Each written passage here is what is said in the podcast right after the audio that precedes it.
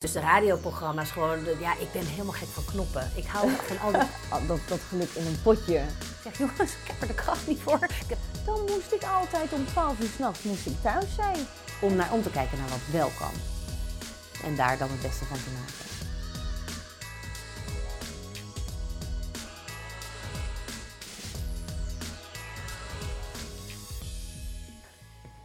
Goedemiddag, mijn naam is Jeanette Kans van bij Jean Lynchery en podcast bij Jean. Naast mij zit Fabienne de Vries.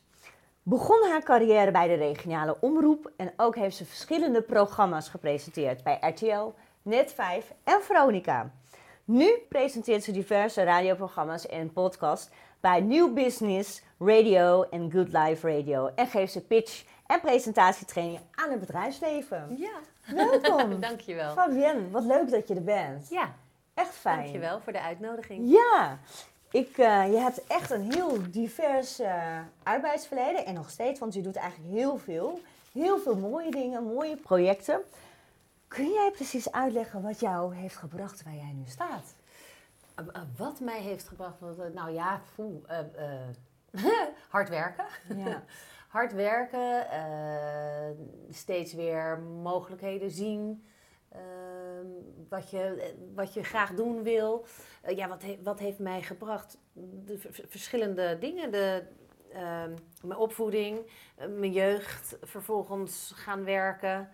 Ja. Vervolgens moeder worden en hup, ja. ineens ben je, ploef, ben je 48. En dan heb je, heb je een track record. ja, de tijd vliegt eigenlijk heel erg snel voorbij. Ja, nou kijk, als je het heel schematisch wil mm -hmm. bekijken, heb ik, heb ik in mijn jeugd altijd gedanst. En tot mijn negentiende, dat bracht mij bij de misverkiezing. Dat heb ik daar meegedaan. Miss Universe verkiezing. Daardoor kwam ik uiteindelijk bij de radio terecht. Omdat we onszelf moesten promoten in die periode. Dus toen ben ik naar een oud klasgenootje gestapt die bij de regionale radioomroep werkte. Daar ben ik blijven plakken. En uh, vervolgens via de Miss Universe verkiezing uh, ben ik, of eigenlijk nee, via de dansschool ben ik bij, uh, bij, uh, bij de televisie gaan dansen eigenlijk. En bij René nee. Vroger en uh, al dat soort televisieopnames. toen dacht ik, oh, er is dus ook een wereld waar ze niet op een, in een kantoortje achter een bureau zitten. En waar iedereen elkaar in de wandelgang gedag zegt, ook al kennen ze elkaar niet. Dus dat sprak ja, mij heel erg aan. Ja. En zo ben ik dus uiteindelijk via de radio, regionale radio, ben ik uitgenodigd voor een screentest voor TMF. En ben ik dus toen ik 21 was bij TMF begonnen. En daar heb ik tot mijn 25ste gezeten. Nou ja, uh, daarna inderdaad voor verschillende omroepen gewerkt tot mijn 35ste. Toen was ik niet meer helemaal happy met de tv-programma's die ik op dat moment mocht presenteren. Hmm. Toen dacht ik, als ik nog een verandering in mijn leven wil maken qua carrière switch of nou, andere dingen wil, meer inhoudelijk zocht ik eigenlijk. Uh, en ik wilde heel graag. Um, uh, human interest programma's maken, meer met interviewen doen. Alleen ik had een te commercieel gezicht om naar de publieke over te stappen. Dus dat, dat, dat frikte. Nou, dan moet je op zo'n moment een keuze maken. En toen heb ik gekozen om dus uit de tv-wereld te stappen en het bedrijfsleven in te gaan. Ja. Uh, ik heb een training ontworpen die gericht is op presenteren, jezelf presenteren, pitchen, maar ook omgang met PowerPoint en uh, nou ja, klantgesprekken, dat soort dingen. Omdat ik merkte bij heel veel presentaties die ik deed, dat men heel veel over de inhoud wist, maar niet altijd de vorm had om het goed over te kunnen brengen. Uh, dus dat heb ik een tijd gedaan, tot vier jaar, nou ja, eigenlijk nog steeds doe ik dat. Ja. En uh, daar heb ik dan een eigen tool ook ontwikkeld, dat heet Dr. Pitch. Leuk. ja, en daarin uh, kun je online eigenlijk je pitch vormgeven door middel van een vijfdaags, uh, vijfdaags trajectje. Mm. Dat is uh, ook gratis. En daarna kan je een consult met Dr. Pitch inplannen. En dan kunnen we, naar de, ja, kunnen we naar de uitvoering kijken. Wat leuk. Um, nou ja, dat, dat, dat loopt dan aan de ene kant. En ondertussen kwam ik ook uh, een oud collega tegen, uh, de marketingdirecteur uh, van TMF toenertijd. En die was inmiddels met radiostations, online radiostations begonnen. Dus vier jaar geleden heb ik mijn nou, oude liefde, roest niet zeggen, zoals mijn radioliefde weer opgepakt bij New Business Radio. En inmiddels ook weer Good Life Radio, want dat is een ja. lifestyle station wat sinds twee jaar, één jaar nu uh, online is. En waar ik weer Toet Fabienne maak, wat ik bij TMF deed. Dus dat is weer in de radioversie terug. Wat ik ontzettend leuk vind, omdat ik daar gewoon weer met de jaren negentig artiesten mag praten over die leuke tijd. Want het is toch voor heel veel mensen is het toch wel hun jeugd en een, een bijzondere tijd. Uh, maar ook nieuw talent geven een podium. Dat is, en dat, dat deed ik natuurlijk bij Toet Fabienne toen tijd ook. Dus eigenlijk is het cirkeltje een beetje rond, hè? Ja, ik doe, Toch? ja, het is, het is bijzonder om te ervaren dat je op een gegeven moment... Ik was niet meer happy bij de programma's die ik maakte. En ook hoe de dingen achter de schermen soms gaan. En dat je dus op een gegeven moment denkt: wil ik nou, zo, wil ik nou per se met mijn gezicht op tv? Of wil ik werk waar ik gelukkig van word? Ja. En dan maak je een keuze dat je denkt, oké, ik heb nog geen idee waar ik naartoe ga, maar ik weet wel dat ik ga stoppen met ongelukkig zijn. Want ik was op dat moment gewoon niet happy in de positie waarin ik uh, op dat moment uh, zat qua werk. En als ik dan nu kijk hoe dat zo gerold is, inderdaad, je zegt het goed, dan is dat cirkeltje rond. En doe precies wat ik leuk vind. Ik werk met mijn stem, met voice-overs. Ik help andere mensen uh, eigenlijk te groeien in hun presentatietechnieken. Wat ontzettend leuk is om te zien. En belangrijk, denk ik ook. Hè? Nou ja, voor, voor, ja, nou ja belangrijk. Ja, zeker. Want uiteindelijk is uh, presentatie is meer dan de helft van de boodschap die je overbrengt. Dus het is heel leuk om mensen daar bewust van te maken. En met name ze hele praktische tools te geven om dus daarin te verbeteren. En dat ze daarvoor meer, daardoor meer zelfvertrouwen krijgen. Ja. Ehm, en dat de boodschap gewoon ook beter overkomt. Ja. En daarnaast dus de radioprogramma's gewoon. ja, ik ben helemaal gek van knoppen. Ik hou van al die... ik was al schitterend. Als meisje was ik al heel technisch. Ik haalde radio's uit elkaar en die ging dan onderzoeken waarom zit dat zo. Leuk, ja. Cassettebandjes open, open, open schroeven. Maar ehm, ja, ik, ik, uh, dus die radio vind ik heerlijk om met die knoppen en alles, uh, dezelfde techniek ook uh, te doen. Maar ook dat ik daar de kans krijg om ondernemers te interviewen. En er is niks leukers dan het MKB en ondernemerschap, want het zijn allemaal mensen met passie. Ja. Ik bedoel, in, toen, hè, in ons voorgesprek heb ik jouw ondernemersverhaal gehoord. Ja, weet je, dat is, dat is mooi om te zien. Ja, je volgt je hart en met heel veel passie. En ja, je, je volgt je dromen, omdat ja, je visualiseert het helemaal. En je voelt toch een bepaalde vrijheid in je geest om, om je dromen na te jagen. Nou, en dat heeft ook, je hebt, je hebt durf nodig, je hebt doorzettingsvermogen nodig, je hebt veerkracht nodig. Er komen zoveel basale uh, ja, menselijke kwaliteiten eigenlijk aan te pas. Ehm, die mooi zijn om te zien hoe iemand, hoe iemand zich daarin ontwikkelt. En hoe een bedrijf zich ontwikkelt. Dus dat, uh, is heel leuk. Ik mag daar lekker in graven tijdens die uitzendingen en zo. En, uh, ja, oh, ik vind het zo mooi om te horen. Dat brengt me meteen op de volgende vraag. Wat is voor jou de grootste uitdaging ten opzichte van jouw huidige ja, precies. Misschien heb je het al gezegd. ik denk het wel, maar... Nou, de, de, weet je wat het, eh, mijn grootste uitdaging is? Is dat ik wel ondernemend ben, maar niet echt een ondernemer ben. En daarom ben ik misschien ook wel zo ehm, geïnteresseerd in andere ondernemers. En is het meer ook vanuit een soort benijd en, en, en respect of, of, of, en, en um, waardering of zo. Dat ik ik, ja, echt ondernemer zijn, risico's durven nemen, grote groot kunnen denken.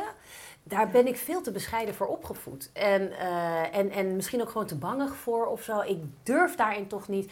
Dus het is mijn strijd dat ik, ja, als freelancer moet je eigenlijk wel ook ondernemer zijn. Ik zou met Dr. Pitch echt een veel groter platform willen ontwikkelen maar ben daar niet de ondernemer genoeg voor. Dus dat, dat je dan, uh, uh, nou ja, dat is uitdaging één. Dus hoe zorg je dat je toch ondernemend blijft om ook gewoon als freelancer aan het werk te blijven?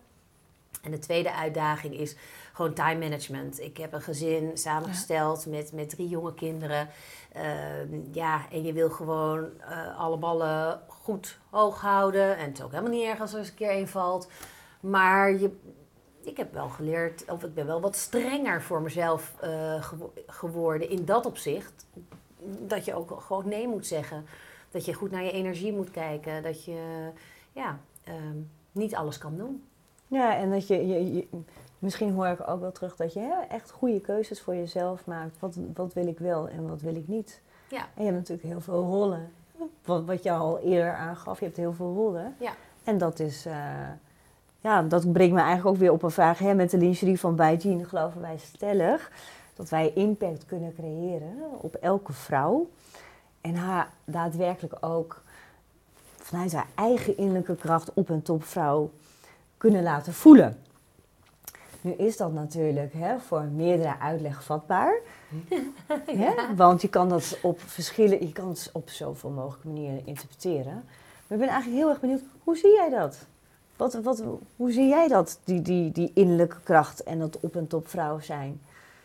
Ja, nou, als ik, als ik naar deze vraag luister, dan denk ik ook eigen innerlijke kracht. Volgens mij is mijn innerlijke kracht altijd van mezelf. Ja.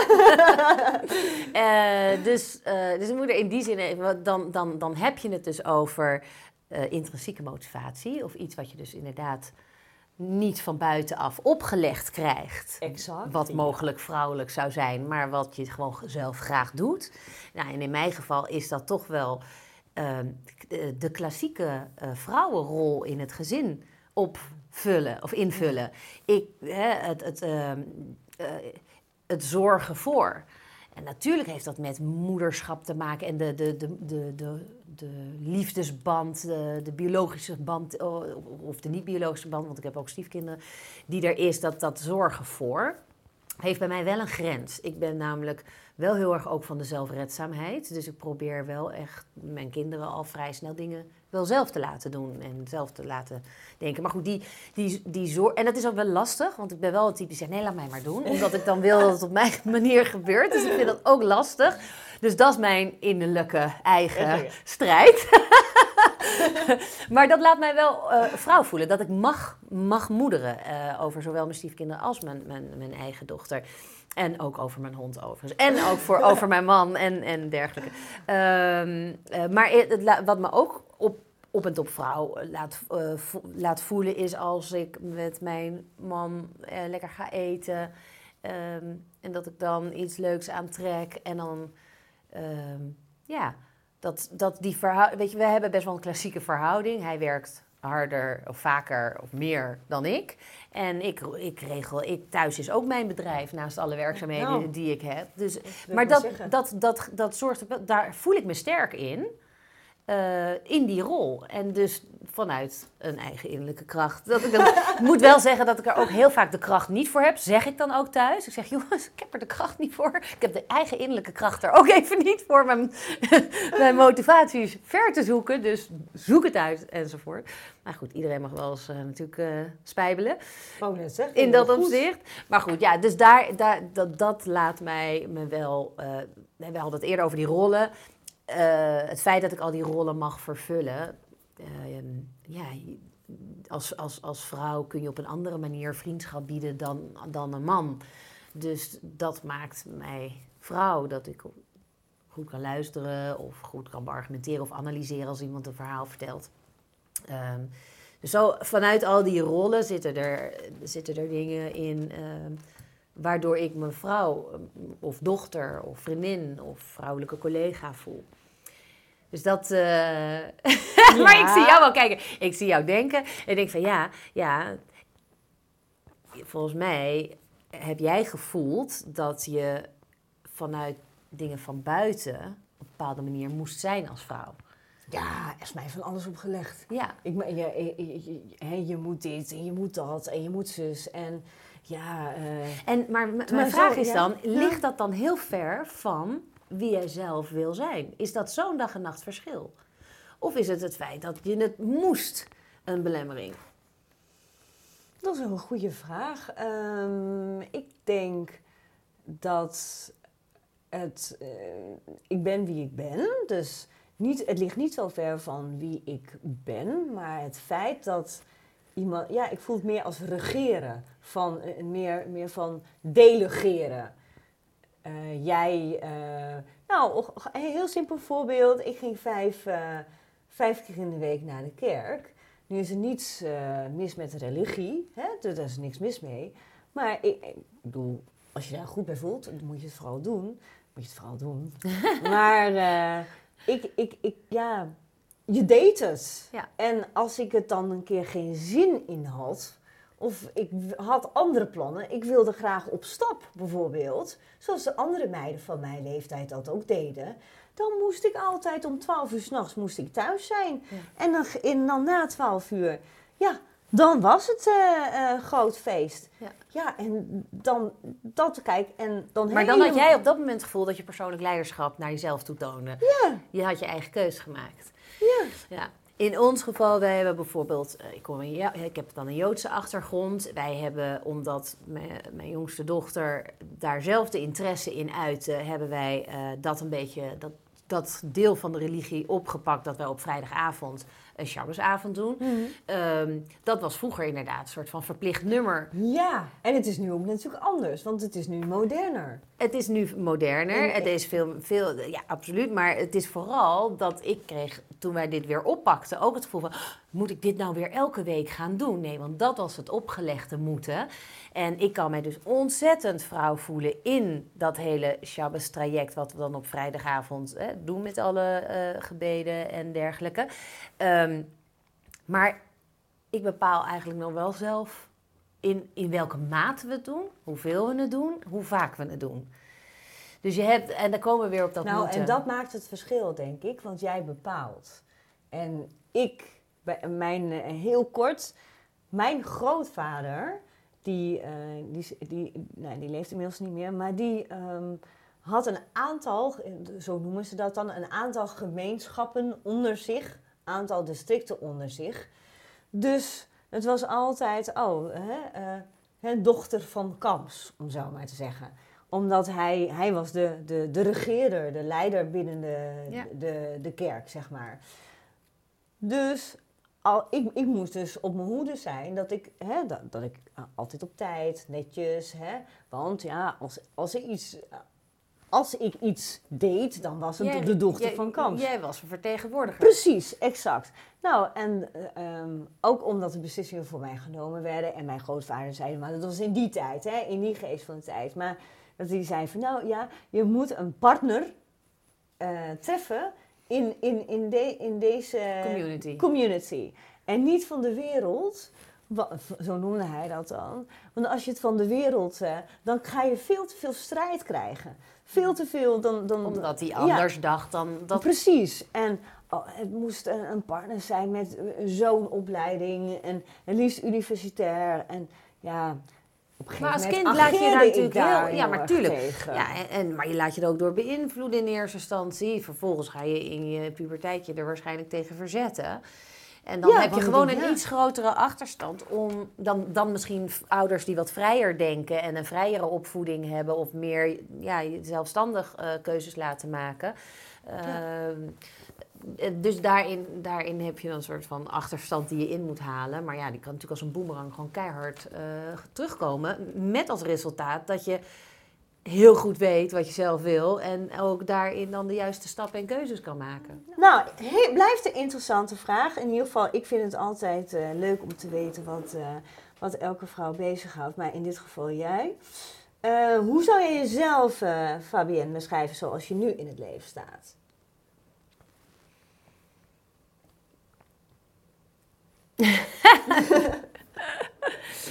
Nou, ehm, ik probeer vooral de transitie die er gaande is. eh, ik, eh, ik heb onlangs mijn eierstokken laten verwijderen, waardoor ik in een acute overgang terecht ben gekomen. Heeft allemaal te maken natuurlijk met een BRCA2-genmutatie die ik heb. eh, en, en, en, wat weer gelieerd is aan eierstokkanker, borstkanker enzovoort.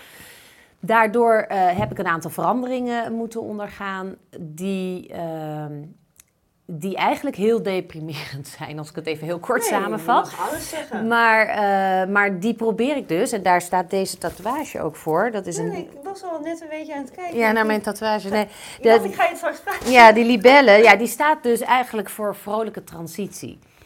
En ehm, dat je dus dat je verandert, eh, ja, dat, dat, dat hè, qua lichaam en qua, nou ja, als mens, dat, dat gebeurt. We worden allemaal ouder.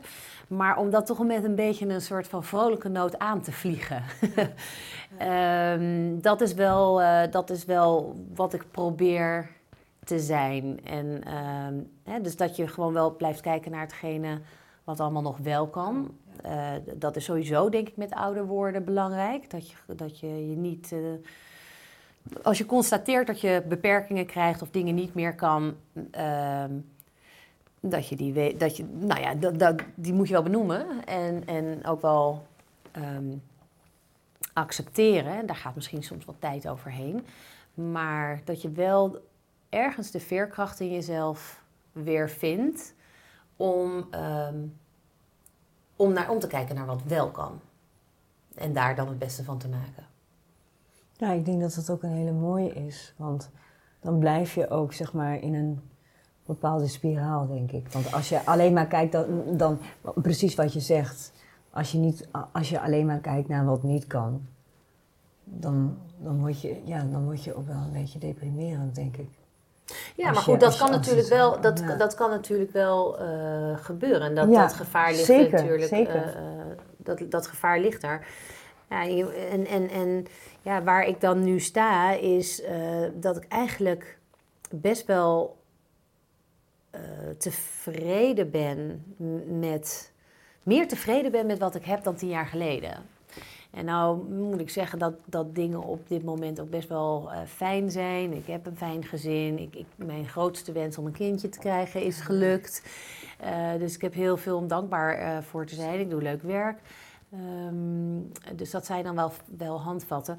En ik denk, ja, wat, wat, wat, ja, wie ben ik dan vandaag de dag? Is iemand die eigenlijk best wel happy is in haar werk, of heel erg happy is in mijn werk en blij is met mijn gezinssituatie. Um, ja, zo zijn er altijd pijlers, hè? want ik denk dat dat ook ons de vraag van geluk uh, brengt. Ja, ja, um, is dat er dus verschillende pijlers zijn waar je uh, in het leven nou ja, geluk uit kan halen.